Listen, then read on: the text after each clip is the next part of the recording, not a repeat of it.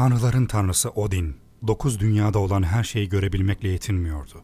Hatta gördüklerinin hepsini anlayabiliyor olmakla bile yetinmiyordu. Kanı kaynıyor ve hayatın rüzgarlarını ve dalgalarını kendisi test etmeyi arzuluyordu. Thor, demir ormanlarında troller, troll kadınlar ve onların kurt çocuklarıyla savaşmak için uzaklardayken Odin kendi hareketsizliğine kızıyordu. O kadar rahatsız hale geldi ki altın savaş başlığını taktı ve biraz harekete aç bir şekilde atının üzerine atladı.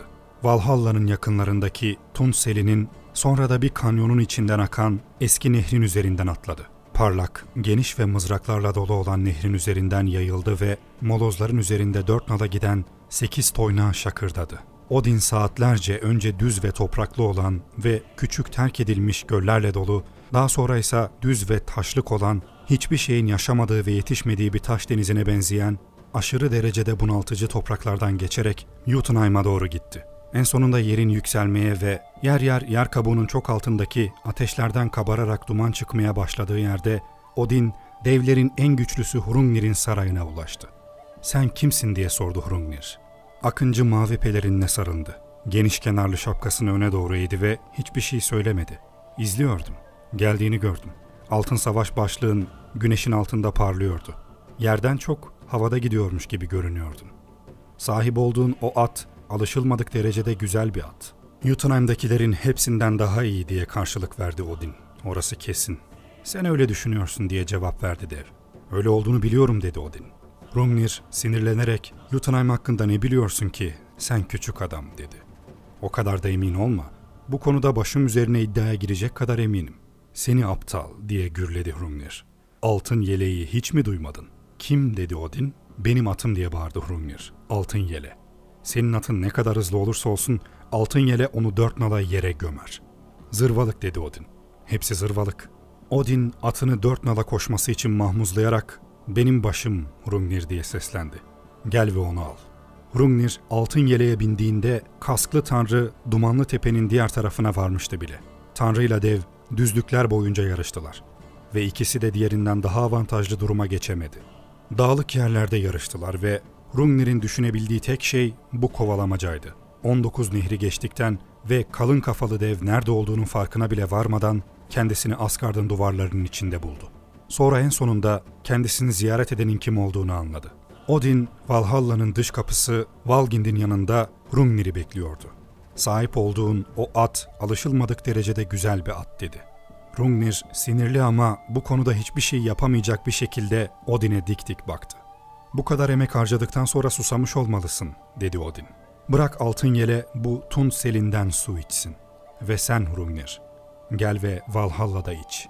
Odin kalkanlardan ve mızraklardan oluşan çatının altında yol gösterdi ve kurtları Fleki ile geri hemen ayağa kalkıp ona doğru koştular. Oturma yerlerini günün katliamından sonra ziyafet çeken ve içen savaşçı askerler doldurmuştu ve devi gördüklerinde bağırmaya başladılar.'' Savaşın babası bir elini kaldırdı ve yaygara yatışmaya başladığında şöyle seslendi. Rungnir silahsız bir şekilde bekliyor. Barış içinde geliyor. İçmesi ve huzur içinde buradan ayrılmasına izin verin. Ellerimde bir kadeh olmadan nasıl içebilirim ki dedi Hrungnir. Daha sonra normalde Thor'un kullandığı iki büyük kadeh getirdiler. İkisi de ağzına kadar bira doluydu. İç dedi Odin. Susuzluğunu en iyi iştahlı kişilere karşı test et. Valhalla'daki tüm topluluk Rungnir'in nefes bile almadan bir kadehi kafasına dikişini sonra da diğeriyle aynısını yapışını izledi. İçtiği bira o kadar çoktu ki Thor bile o kadarıyla sorun yaşayabilirdi.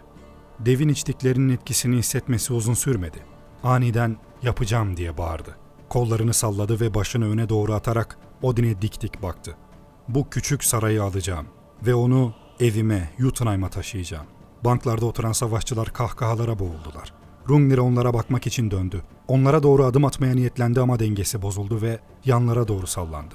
Asgard'ı denize gömeceğim diye çığlık attı. Odin kollarını kavuşturdu. Maske gibi yüzü düşüncesini gizliyordu. Bir süre sonra bir şekilde sordu. O zaman bize ne olacak? Sen diye bağırdı Hrungnir. Seni öldüreceğim. Siz tanrıları ve savaşçıları da öldüreceğim. Paramparça edeceğim. O sırada avluda pek de ses yoktu. Herkes Hrungnir'i izliyordu. Dev, tanrıçaların en güzeli olan Freya ile Sif'i göstererek siz ikiniz hariç herkesi dedi. Sizi yanımda geri götüreceğim. Odin başını salladı ve Freya öne doğru yaklaştı. Hareket ettiğinde üzerindeki tüm değerli taşlar parıldadı. Ve Hrungnir ovalayarak gözlerindeki yıldızları yok etmeye çalıştı. Tekrar iç, dedi Freya. Kadehlerden bir tanesinin içine çok daha fazla bira koydu. Bu saraydaki bütün bira bu mu diye sordu dev. Asgard'daki birayı son damlasına kadar içeceğim.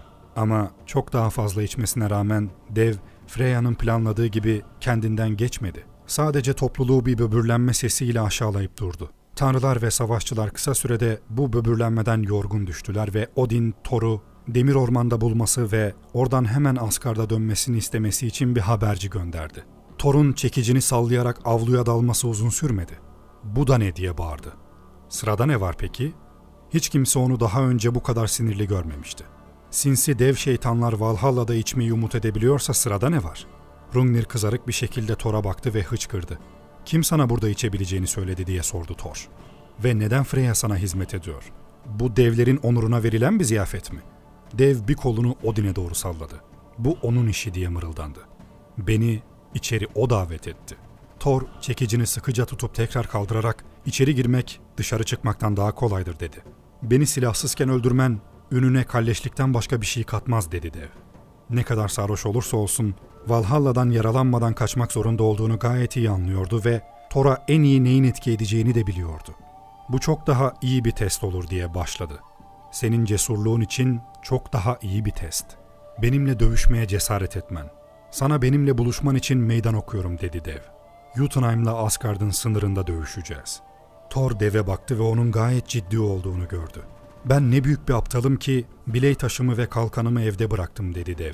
Eğer silahlarım yanımda olsaydı bu sorunu şimdi burada çözebilirdik.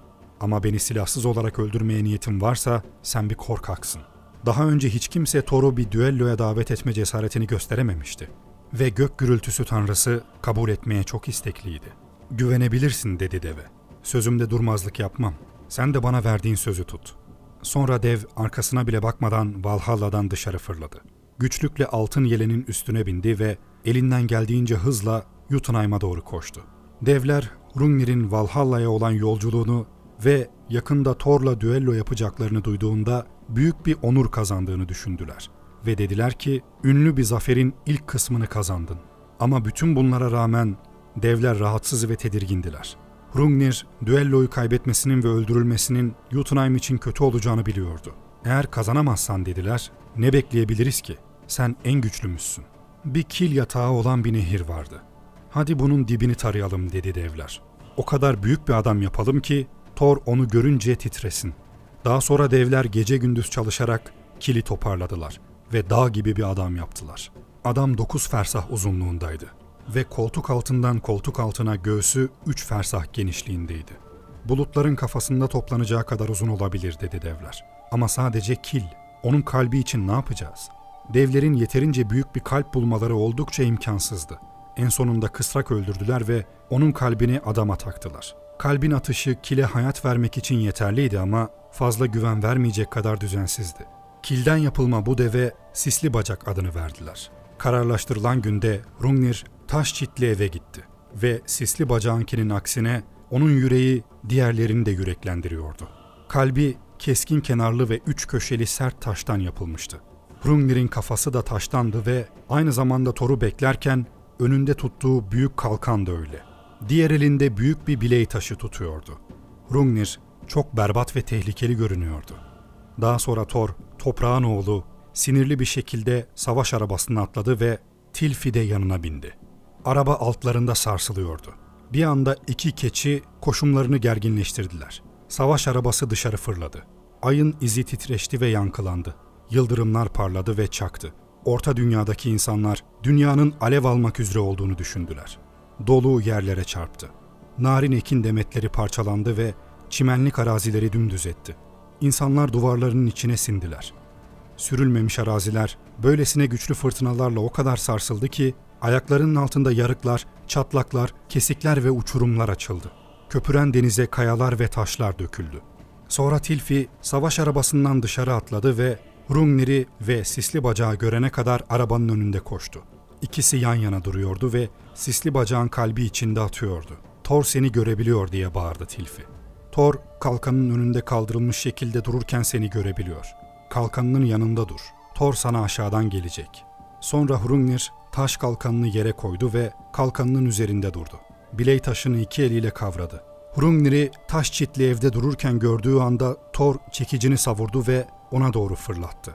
Dev kör edici çatallı patlamalar ve gök gürültüsü çarpmalarıyla baskına uğramıştı. Hrungnir çekicin kendisine doğru uçtuğunu gördü. Biley taşını geri çekti ve doğruca çekici hedef aldı. Çekiçle biley taşı göz kamaştırıcı bir parlamayı takip eden ve dokuz dünyadan duyulan bir çarpışma sesiyle havada buluştular. Biley taşı yüzlerce parçaya bölünmüştü. Şarapneller her yöne uçuştu. Parçalardan bir tanesi Midgard'a uçtu ve yere çarptığında tekrar parçalandı. Her bir parçası bir biley taşı ocağına dönüştü. Başka bir parça havada vızıldadı ve Thor'un kafasına çarptı. Tanrıların en güçlüsü kötü yaralanmıştı. Savaş arabasından dışarı düştü ve kanı toprağa yayıldı. Ama Thor'un çekici hedefini bulmuştu. Biley taşının darbesine rağmen çekiç Hrungnir'e alnından çarptı ve kafatası parçalandı. Dev yalpaladı ve düştü. Devasa bacaklarından bir tanesi Thor'u boynundan sıkıştırdı. Sonra Tilfi baltasını salladı ve kilden yapılma bacaklı dev sisli bacağa saldırdı. Tilfi devin bacaklarına vurdu ve sisli bacağın vücudunda karşılık verecek güç yoktu. Sendeledi ve geriye doğru yalpaladı ve düştü. Jotunheim'ı salladı. Tüm devler düşüşünü duydular. Taş çitli evde ne olduğunu anlamışlardı. Tilfi, Thor'un kafasına sıkışmış olan biley taşı parçasını inceledi. Senin başın Hrungnir'inkinden daha iyi durumda dedi Tilfi. Devin bacağını yakaladı ve onu kaldırıp Thor'u serbest bırakmaya çalıştı. Ama Tilfi için bu iş bir ağacın gövdesini kaldırmaya benziyordu. Bir santim bile kımıldatmayı başaramadı. Yardım getir dedi Thor. Tilfi bacaklarının çevikliğini değerlendirdi. Tanrıların çoğunun Asgard'dan hızla çıkarak Thor'un büyük zaferine sevinip onu kurtarmaya hevesli şekilde gelmeleri uzun sürmedi. En güçlü tanrılar teker teker devin bacaklarını kaldırmaya çalıştılar ama hiçbiri hatta Odin bile başarılı olamadı. Taş çitli eve son ulaşan Magni oldu. 3 yaşındaydı. Tanrıların Tanrıların babasını kurtarma konusunda ne kadar başarısız olduklarını gördüğünde "Şimdi bırakın da ben deneyeyim." dedi. Magni eğildi, Hrungnir'i topuğundan yakaladı ve devin ayağını babasının boynundan uzağa fırlattı. Tüm tanrılar hayranlık içinde haykırdılar ve Thor hızla ayağa kalktı. Daha önce gelmemiş olmamam ne yazık dedi Magni. Bu devle karşılaşsaydım çıplak ellerimle onu öldürürdüm. Thor demir eldivenli bir elini oğlunun omzuna koyarak sıcak bir şekilde eğer başladığın gibi devam edersen oldukça güçlü olacaksın dedi. Dahası dedi Thor, sana altın yeleği vereceğim. Hrungnir'in atını ödül olarak kabul et. Hayır dedi Odin sertçe. Böylesine alışılmadık derecede güzel bir atı kendi baban yerine bir dev anasının oğluna veremezsin.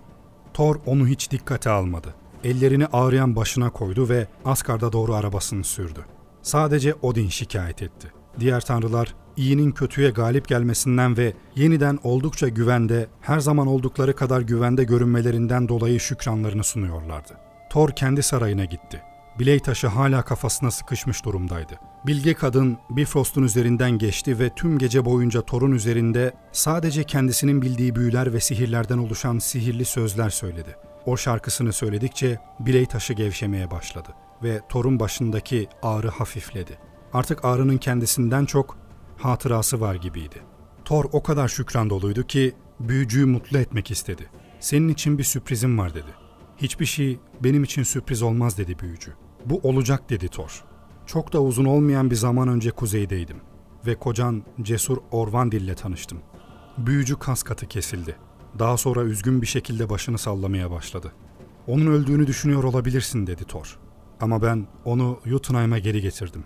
Saçmalık dedi büyücü sertçe. Thor'a inanmak istemediği için değil, ona inanmaya cüret edemediği için. Bütün gece başımın üzerinde büyülü sözler söyledin dedi Thor.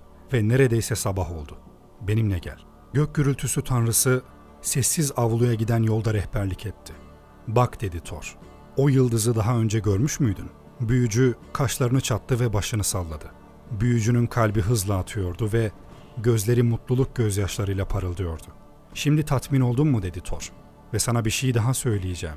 Artık kocanın eve gelmesi çok da uzun sürmeyecek. Büyücü dünyadaki hiçbir şey önemli değilmiş gibi hissediyordu ve Thor'a uygun şekilde teşekkür etmesinin hiçbir yolu olmadığını hissediyordu.